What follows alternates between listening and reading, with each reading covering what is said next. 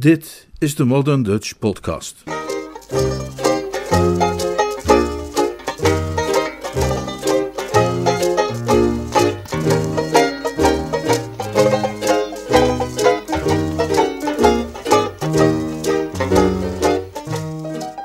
Het meisje in de taxi. Een roman van P.G. Woodhouse. Vertaald en voorgelezen door Leonard Beuger.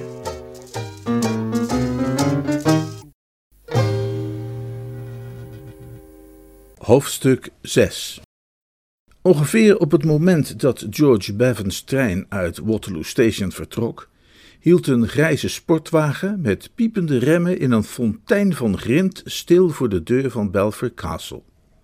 De slanke, zwierige jonge man achter het stuur zette zijn racebril af, trok zijn horloge tevoorschijn en richtte zich tot de gezette jonge man naast hem. Twee uur en achttien minuten vanaf Hyde Park Corner, knulligie. Niet te beroerd, hè? Zijn reisgezel antwoordde niet. Hij leek in gedachten te zijn verzonken. Hij zette ook zijn stofbril af en onthulde zo een blozend, maar somber gezicht dat naast de gebruikelijke aspecten voorzien was van een snorretje en een dubbele kin. Hij fronste vreugdeloos naar het bekoorlijke tafereel dat de bril voor hem verborgen had gehouden. Voor hem torende Belfort Castle, een symmetrische massa van grijze stenen en groene klimop, hoogop tegen een lichtblauwe hemel, met aan weerszijden een glooiend parklandschap zo ver als het oog reikte, op verschillende plekken bezaaid met viooltjes, terwijl hier en daar machtige eiken oprezen en essen en tamme kastanjes. Dat alles ordelijk, vredig en Engels. Dichterbij, links van hem, waren rozenperken, waaruit in het midden, onder een scherpe hoek gekanteld, een zitvlak omhoog stak van een corduroy broek, waarvan de drager kennelijk op jacht was naar slakken. Lijsters zongen in het groene struikgewas, roeken kraaiden in de olmen. Van ergens in de verte klonk het geklingel van schapenbellen en het geloei van koeien.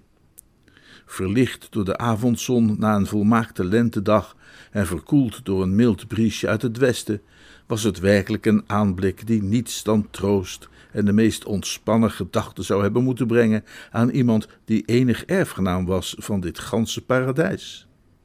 Maar Percy, Lord Belfer, bleef korzelig en ongedurig bij dit wonderlijk samenspel van mens en natuur, en putte geen troost uit de gedachte dat al die schoonheid ooit aan hem zou toebehoren. Zijn gedachten waren op dat moment geheel en al vervuld met uitsluiting van al het andere, met de herinnering aan die pijnlijke scène bij de politierechter in Bow Street. De opmerkingen van de magistraat, die tactloos waren geweest en onsympathiek, weerklonken nog altijd in zijn oren. En dan die helse nacht op het politiebureau van Vine Street. De duisternis, het harde bed, de onwelluidende keelklanken van de dronken lap in de cel naast de zijne. De genadige tijd zou die herinneringen wellicht verzachten op de duur, de scherpe pijnlijke kantjes ervan afslijpen, maar niets zou ze ooit helemaal doen verdwijnen. Percy was geschokt tot in de kern van zijn wezen. Fysiek was alles aan hem nog stijf en pijnlijk van het planken bed. Psychisch ziedde hij als een vulkaan. Hij was zichtbaar voor heel Londen langs de Haymarket gedreven door een lomperik van een politieagent. Hij was als een stout kind toegesproken door een politierechter die er door niets van kon worden overtuigd dat hij op het moment van zijn arrestatie niet onder invloed van alcohol was geweest. De man had dingen gezegd over zijn lever, op een toon van: U bent op tijd gewaarschuwd en wordt toch verstandig voordat het te laat is, die Percy al onbehoorlijk vrijmoedig zou hebben gevonden als zijn persoonlijk medisch adviseur die had geopperd. Misschien mag het dan ook geen verbazing wekken dat Belfort Castle, ondanks zijn schoonheid qua landschap en architectuur, Lord Belfort op dat moment nogal koud liet.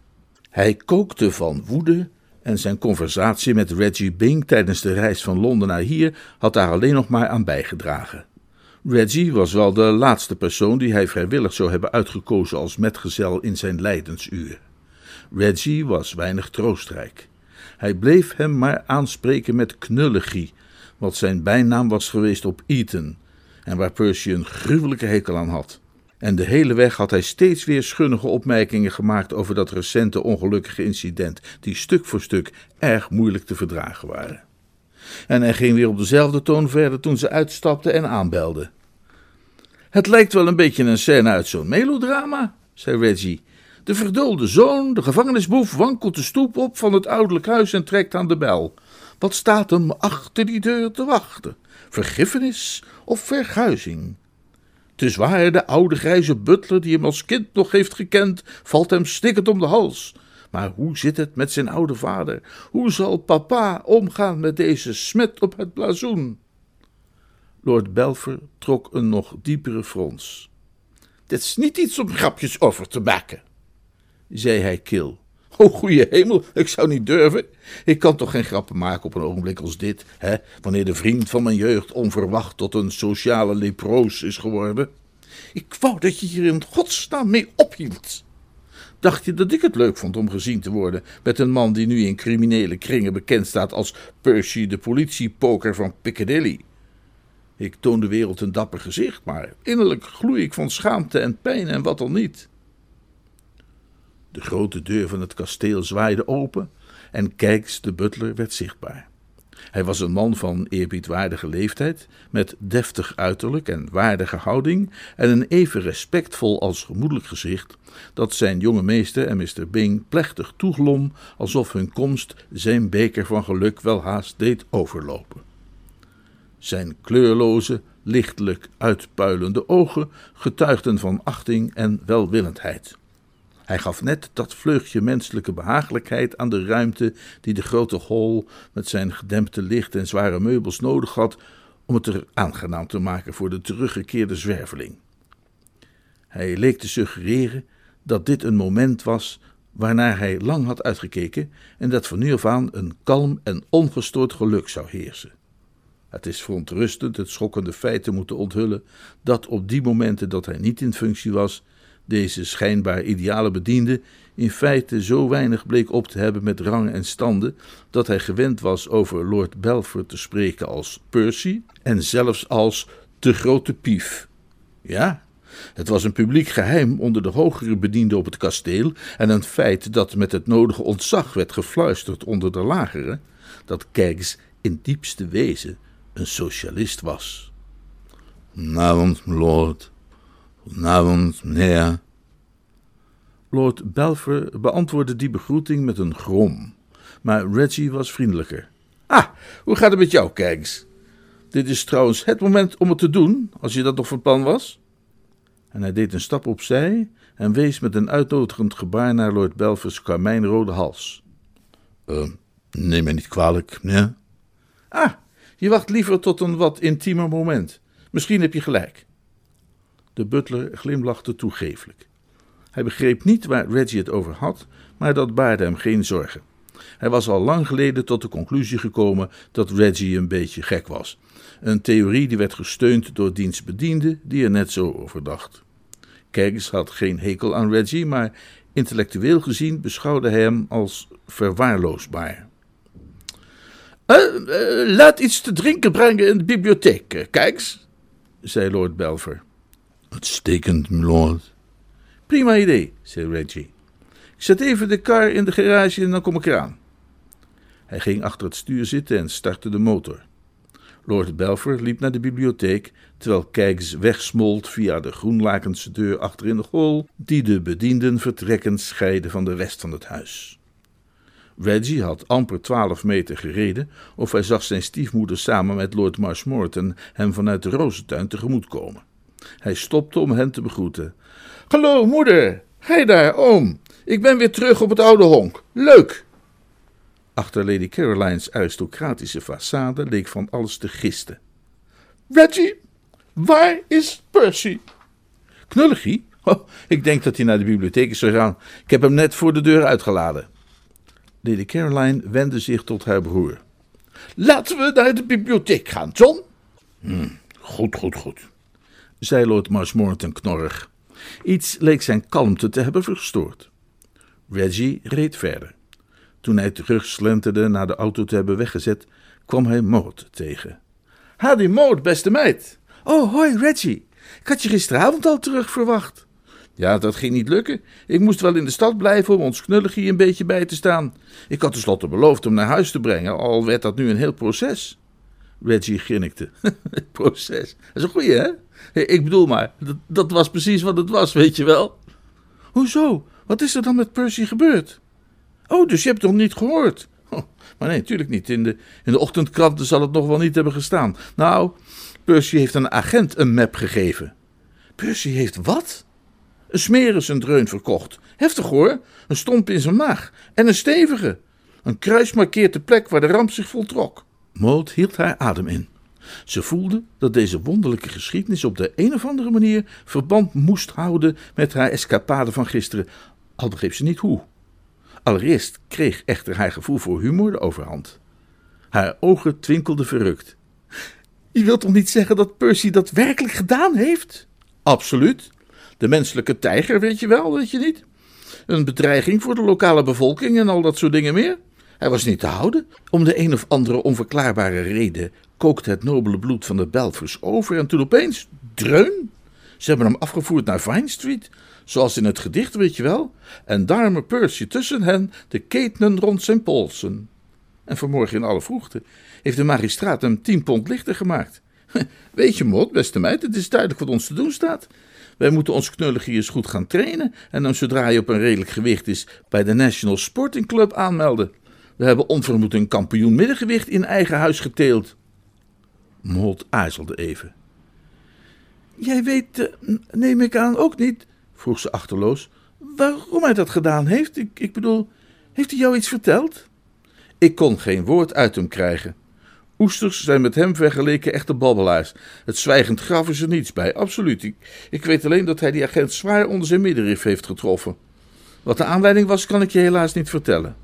Wat zou je ervan zeggen als we eens naar de bibliotheek kuierden om mee te doen aan de autopsie? De autopsie? Nou, ik kwam ons moeder en uh, Lord M tegen die op weg waren naar de bibliotheek. En het zag er heel erg naar uit dat de mater een avondkrant moet hebben bemachtigd op haar terugreis vanuit Londen. Wanneer is ze aangekomen? Nog maar net. Nou, dan is dat wat er is gebeurd. Ze zal wel een avondkrant hebben gekocht om in de trein te lezen. En bij Jupiter, misschien heeft ze wel die krant met dat gedicht erover te pakken gekregen.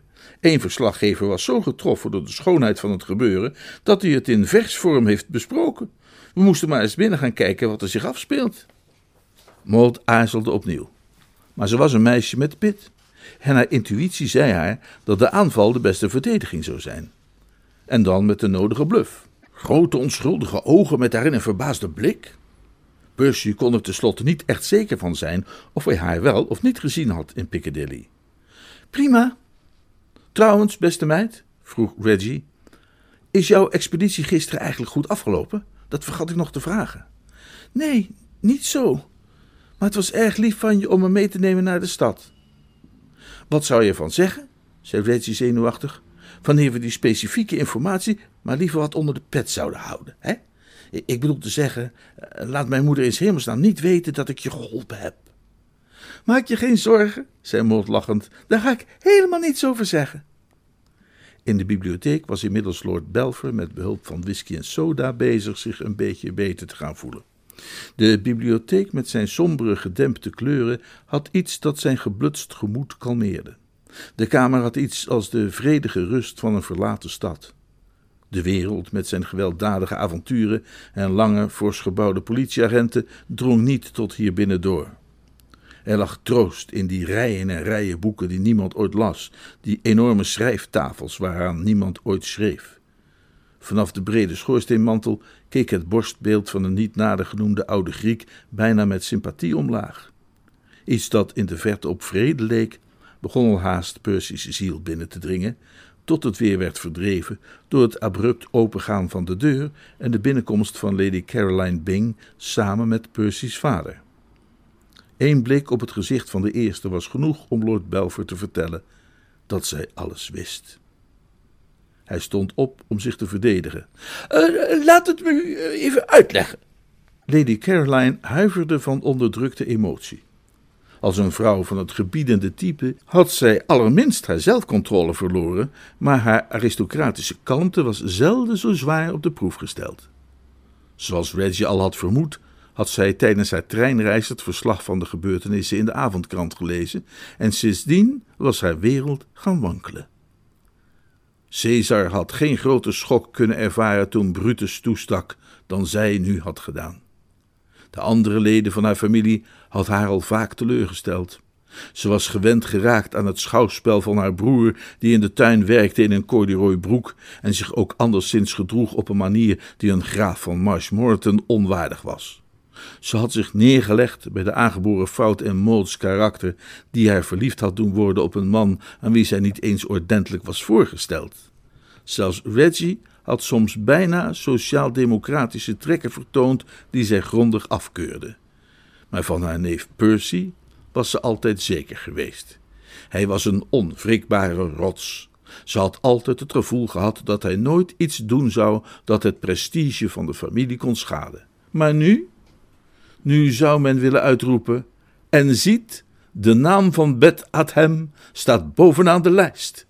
Met andere woorden, Percy bleek de ergste van het stel. Welke misstappen de rest ook had begaan, ze hadden in ieder geval nooit de familie terecht doen komen in de komische rubrieken van de avondkranten. Lord Marshmoreton mocht dan een pilobroek dragen en weigeren de fine fleur van het graafschap uit te nodigen voor een tuinfeest en met een boek naar bed gaan die dood enkele keer dat geacht werd als gastheer op te treden bij een galabal. Maud kon dan misschien haar hart geschonken hebben aan een onmogelijke figuur van wie niemand ooit had gehoord. En Reggie werd misschien dan wel gesignaleerd in modieuze restaurants met boksers en voetballers. Maar in elk geval hadden de avondkrantpoëten nog nooit spottende verzen geschreven over hun wapenfeiten. Die ultieme vernedering was voorbehouden aan de tot dan toe onberispelijke Percy die van alle jonge lieden die Lady Caroline kende, tot nu toe zich het meest bewust was geweest van zijn positie en de meest stringente achting had getoond voor de waardigheid van zijn nobele naam. En juist hij was het, wanneer men de weloverwogen berichtgeving in de dagelijkse pers mocht geloven, die de lente van zijn leven vorm gaf door als een uitzinnige woesteling door Londen te rennen en brutale aanvallen te doen op de politie. Lady Caroline voelde zich als een bisschop die plotseling moest ontdekken dat een van zijn favoriete priesters zich had bekeerd tot de eredienst van de grote Mumbo Jumbo. Uitleggen? donderde ze. Dat valt niet uit te leggen. Jij, mijn neef, de erfgenaam van de titel, die zich gedraagt als een ordinaire vandaal in de straten van Londen, die zijn naam in de kranten. Maar, maar als u de omstandigheden kende, de omstandigheden, die staan in de avondkrant, zwart op wit. Uh, uh, en op rijm, voegde Lord Marshmoreton eraan toe. Hij grinnikte genoeglijk nog wat na nu hij eraan terugdacht. Hij was een man die gemakkelijk viel te amuseren. je zou het moeten lezen, hè, jongen. er waren er leuke stukjes bij. John! Maar uh, natuurlijk heel uh, betreurenswaardig natuurlijk, ja. voegde Lord Marshmoreton er haastig aan toe bijzonder uh, betreurenswaardig.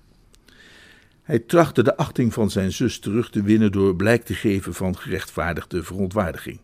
Uh, wat, wat, wat, heeft dat te betekenen, hè? Verdomme, hè? je bent mijn enige zoon. Hè? Maar met zorg en liefde in het hart heb ik jou zien uh, opgroeien, van kind tot jongeling. Hè? Heb ik je een, een, man zien worden wilde graag trots op jou kunnen zijn, maar de hele tijd, potverdrie, zwerf jij door de straten van Londen als een leeuw op zoek naar wie je zou kunnen verslinden. Je, je terroriseert de grote stad, je, je doet onschuldige politieagenten vrezen voor hun leven. Willen jullie nu alsjeblieft even naar mij luisteren? schreeuwde Percy. Hij begon snel te spreken, want hij besefte dat het nodig was zijn verhaal te doen zolang hij de kans kreeg. Dit zijn de feiten. Ik liep langs Piccadilly op weg naar mijn club voor de lunch. Hè, toen ik in de buurt van Burlington Arcade tot mijn verbazing opeens Maud zag lopen. Lady Caroline slaakte een uitroep. Maud? Maar Maud was hier! Ja, ik begrijp het alleen helemaal niet, ging Lord Marshmoreton onverstoorbaar verder met wat hij aan het zeggen was. Die gerechtvaardigde verontwaardiging had het volgens hem goed gedaan. Het was waarschijnlijk verstandig om in die geest nog wat verder te gaan, hoewel hij persoonlijk van mening was dat niets in Percy's leven tot nog toe hem zo sierde als deze aanval op de mannen in het blauw.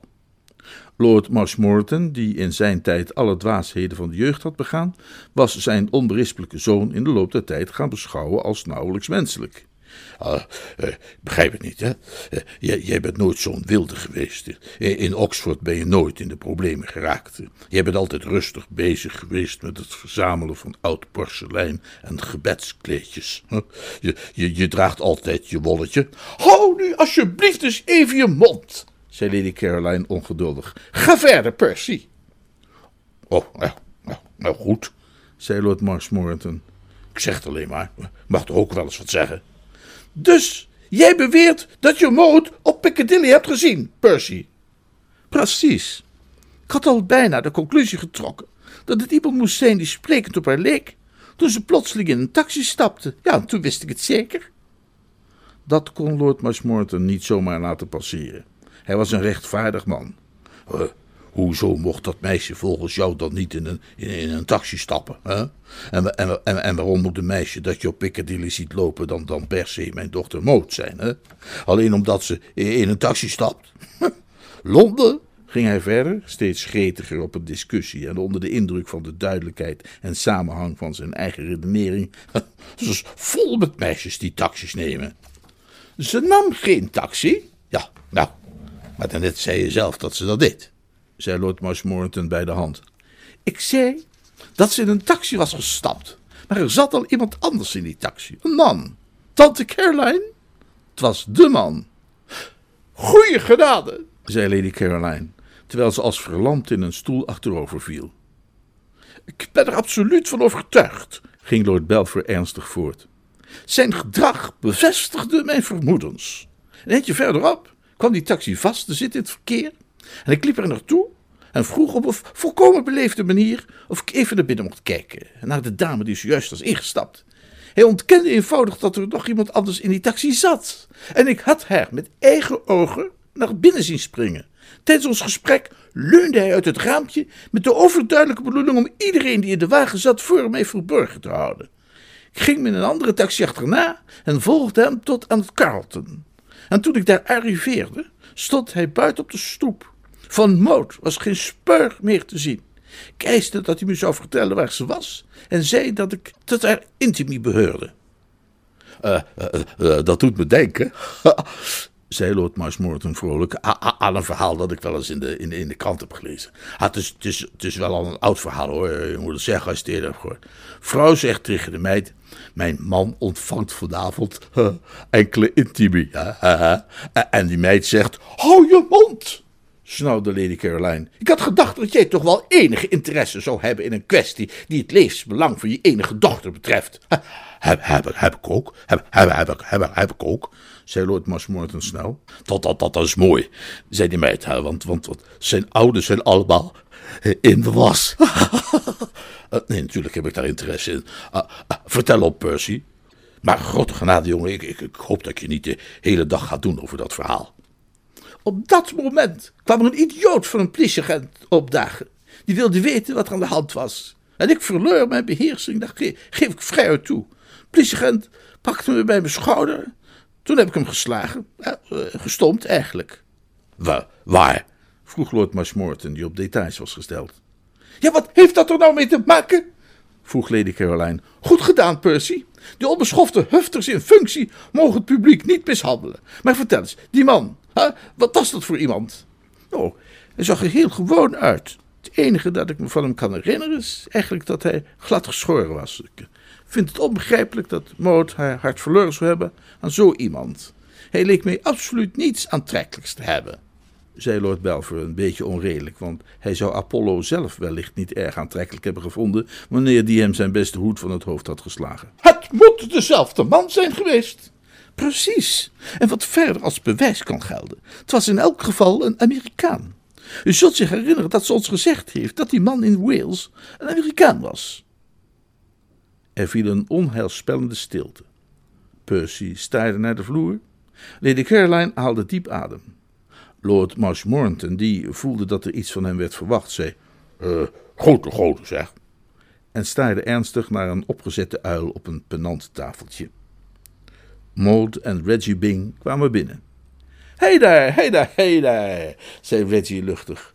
Hij hield ervan een gesprek te beginnen met de mensen op hun gemak te stellen. Hé daar, hé daar. Maud zette zich schrap voor wat er zou komen. Hallo, Percy, beste knul, zei ze, terwijl ze de beschuldigende blik van haar broer pareerde, met de volmaakte kalmte die slechts kan voortkomen uit een door en door slecht geweten. Wat hoor ik allemaal? Ben je tegenwoordig de schrik van Londen? Reggie zegt dat politieagenten wegduiken in rioolputten en keldergaten als ze je zien aankomen. De kilte in de atmosfeer zou een minder dapper meisje bepaald hebben afgeschrikt. Lady Caroline was opgestaan en staarde haar bars aan. Percy pufte rokerige wolkjes als een gefolterde ziel. Lord Marshmoreton, wiens gedachten waren afgedwaald naar de rozentuin, raapte zich samen en probeerde er dreigend uit te zien. Maud babbelde verder zonder op antwoord te wachten. Ze straalde een en al vrolijkheid en onbezorgdheid uit, helemaal het lieflijke, jonge, op en top Engelse meisje, wat haar broer wel haast het schuim op de mond bracht. Schattenpap, zei ze, terwijl ze zich liefdevol aan zijn knoopsgat hechtte, ik heb vanmorgen een rondje gedaan van 83. De lange hol heb ik in vier gedaan, één onder par, iets wat me nog nooit eerder gelukt was. Uh, jongen, nou zeg, zei Lord Marshmoreton zwakjes, terwijl hij met een waakzaam oog op zijn zuster zijn dochter een schouderklopje gaf. Eerst een gierende afslag midden over de fairway. En daarna legde ik met mijn houten drie de bal precies op de rand van de green. 160 meter als het niet meer was. Lady Caroline, die geen liefhebber was van het oude en koninklijke spel, onderbrak haar voordracht. Het doet er niet toe wat jij vanmorgen hebt gedaan. Wat heb je gistermiddag gedaan? Juist, zei Lord Belver. Waar was jij gistermiddag? Mods blik was de blik van een kindje dat in haar hele korte leventje nog nooit heeft geprobeerd de boel te bedriegen. Uh, wat bedoelt u? Wat deed jij gistermiddag in Piccadilly? vroeg Lady Caroline. Uh, Piccadilly? Die straat waar Percy vecht met politieagenten? Begrijp het niet.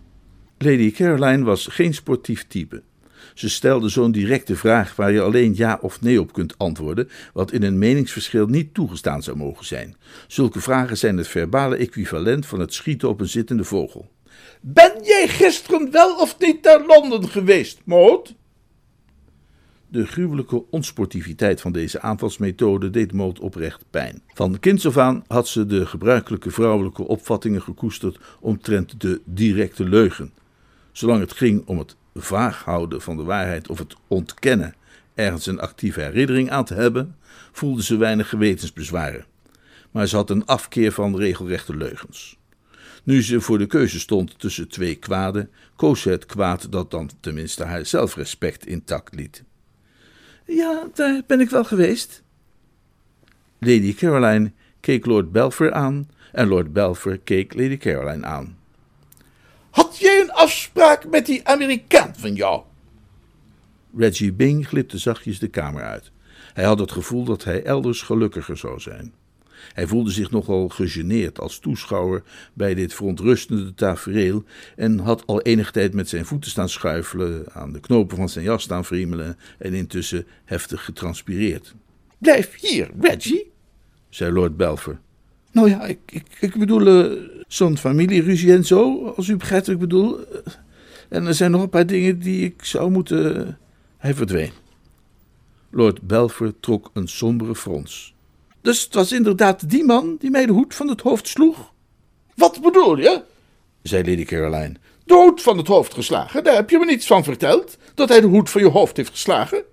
Ja, dat was toen ik hem vroeg om in die taxi te laten kijken greep de hendel vast van het portier en toen sloeg hij plots mijn hoed af, die daardoor wegvloog. En terwijl ik hem opraapte, reed hij weg. Nou, barstte Lord Smartmorton uit. Nou, nou, nou.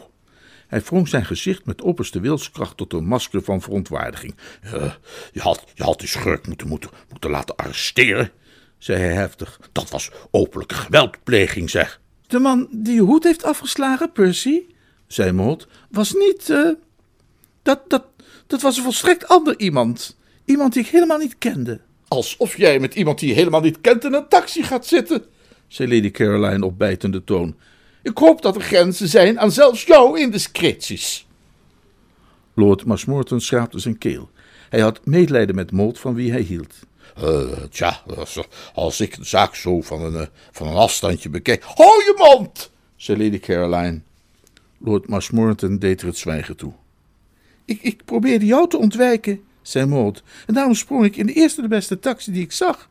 Ik geloof er niets van, zei Percy. Nou, toch is het waar? Je probeert ons gewoon af te leiden van waar het om gaat. Lady Caroline wendde zich tot Maud op een klagelijke toon.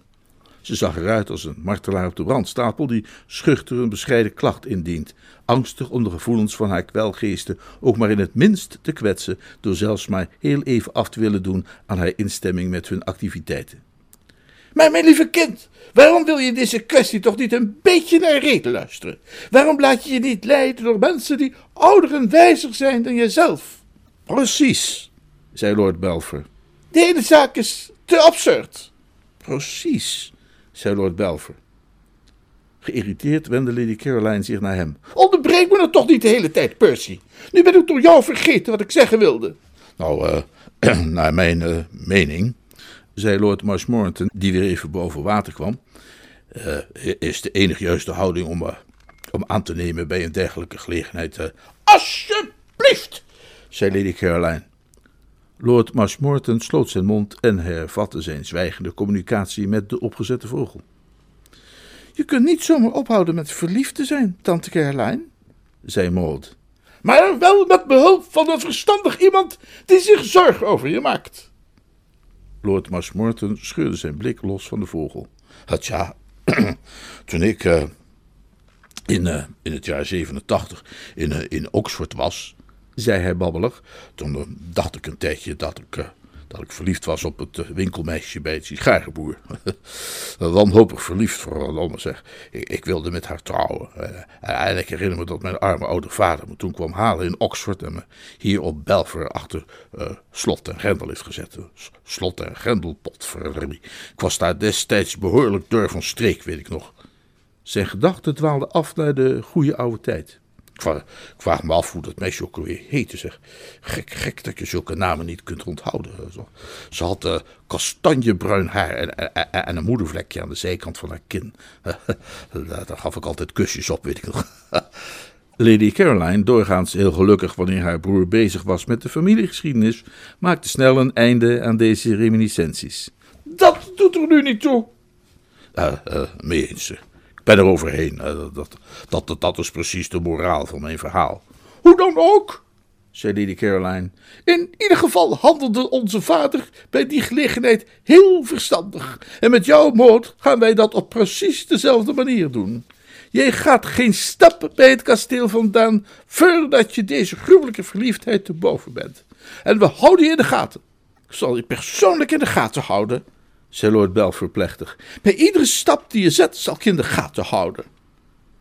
Er kwam een dromerige blik in Maud's bruine ogen.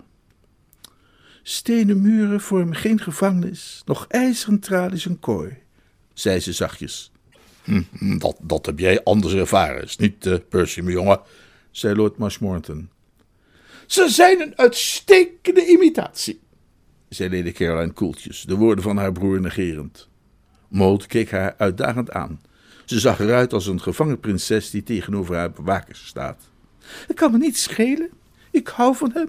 En ik zal altijd van hem blijven houden. En niets zal ooit kunnen maken dat ik niet van hem houd. Want ik hou van hem, ronde ze haar stelling wat zwakjes af. Onzin, zei Lady Caroline. Over een jaar ben je zijn naam vergeten. Denk je ook niet, Percy? Daar, daar ben je toch met me eens? Dat dacht ik, zei Lord Belfer. Oh nee hoor. Heel, heel lastige dingen om te onthouden, hè, namen, zei Lord Marshmoreton. Ja, kijk, ik heb al honderd keer geprobeerd me de, de, de, naam van dat meisje uit die sigarenwinkel te herinneren. Volgens mij was het iets met een L. Muriel of, of Hilda of, of, of zoiets. Binnen een jaar, zei Lady Caroline, zul je afvragen hoe je ooit zo dom hebt kunnen zijn. Denk je ook niet, Percy? Dat dacht ik, zei Lord Belver. Lord Marshmoreton draaide zich geërgerd naar hem om. Grote god, jongen, kun jij op een simpele vraag niet simpelweg ja of nee antwoorden? Hoe bedoel je dat, dacht ik? Als iemand naar me toe komt en die wijst naar jou en die zegt, is dat jouw zoon? denk, denk je dan dat ik, dat, dacht ik, ga zeggen, hè? kapot, verrorie, dat je geen gebedskleedjes verzamelde. Dat is heel slecht voor je hersenen. Ze zeggen ook dat het gevangenisleven ondermijnend is voor het intellect, vader, zei Maud. Ze liep naar de deur en draaide aan de deurknop. Albert, de loopjongen, die oorpijn begon te krijgen van aan het sleutelgat luisteren, richtte zich op en snelde er vandoor. Was dat alles, tante Caroline? Kan ik nu gaan? Zeker. Ik heb alles gezegd wat ik te zeggen had. Mooi. Spijt me dat ik ongehoorzaam moet zijn, maar dat kan niet anders. Nou, je zult wel ontdekken dat het ook anders kan als je hier nog een paar maandjes vast hebt gezeten, zei Percy. Een vriendelijke glimlach speelde over Mauds gezicht. De liefde lacht om slotenmakers, mompelde ze zacht en liep de kamer uit. Uh, wat, wat zei ze nou? vroeg Lord Marshmoreton geïnteresseerd. Uh, iets over iemand die om een slotenmaker lacht? Hm? Begrijp ik niet. Waarom zou iemand slotenmakers uitlachen? Dat zijn toch doorgaans respectabele lieden. Ik had er eergisteren nog een hier om de la van mijn bureau open te krijgen. Ik heb gezien hoe hij dat deed. Heel interessant. Hij, hij, hij rook nogal sterk naar een heel beroerd merk tabak. Die keel moet een leren keel hebben om dat spul te kunnen roken. Maar hij leek me niet iemand om de spot mee te drijven. Ik ben tenminste niet één keer in de verleiding gekomen om die beste keel te lachen. Lord Belfer liep chagrijnig naar het raam en keek naar buiten in de vallende duisternis. En zoiets gebeurt dan, zei hij bitter, aan de vooravond van mijn 21ste verjaardag.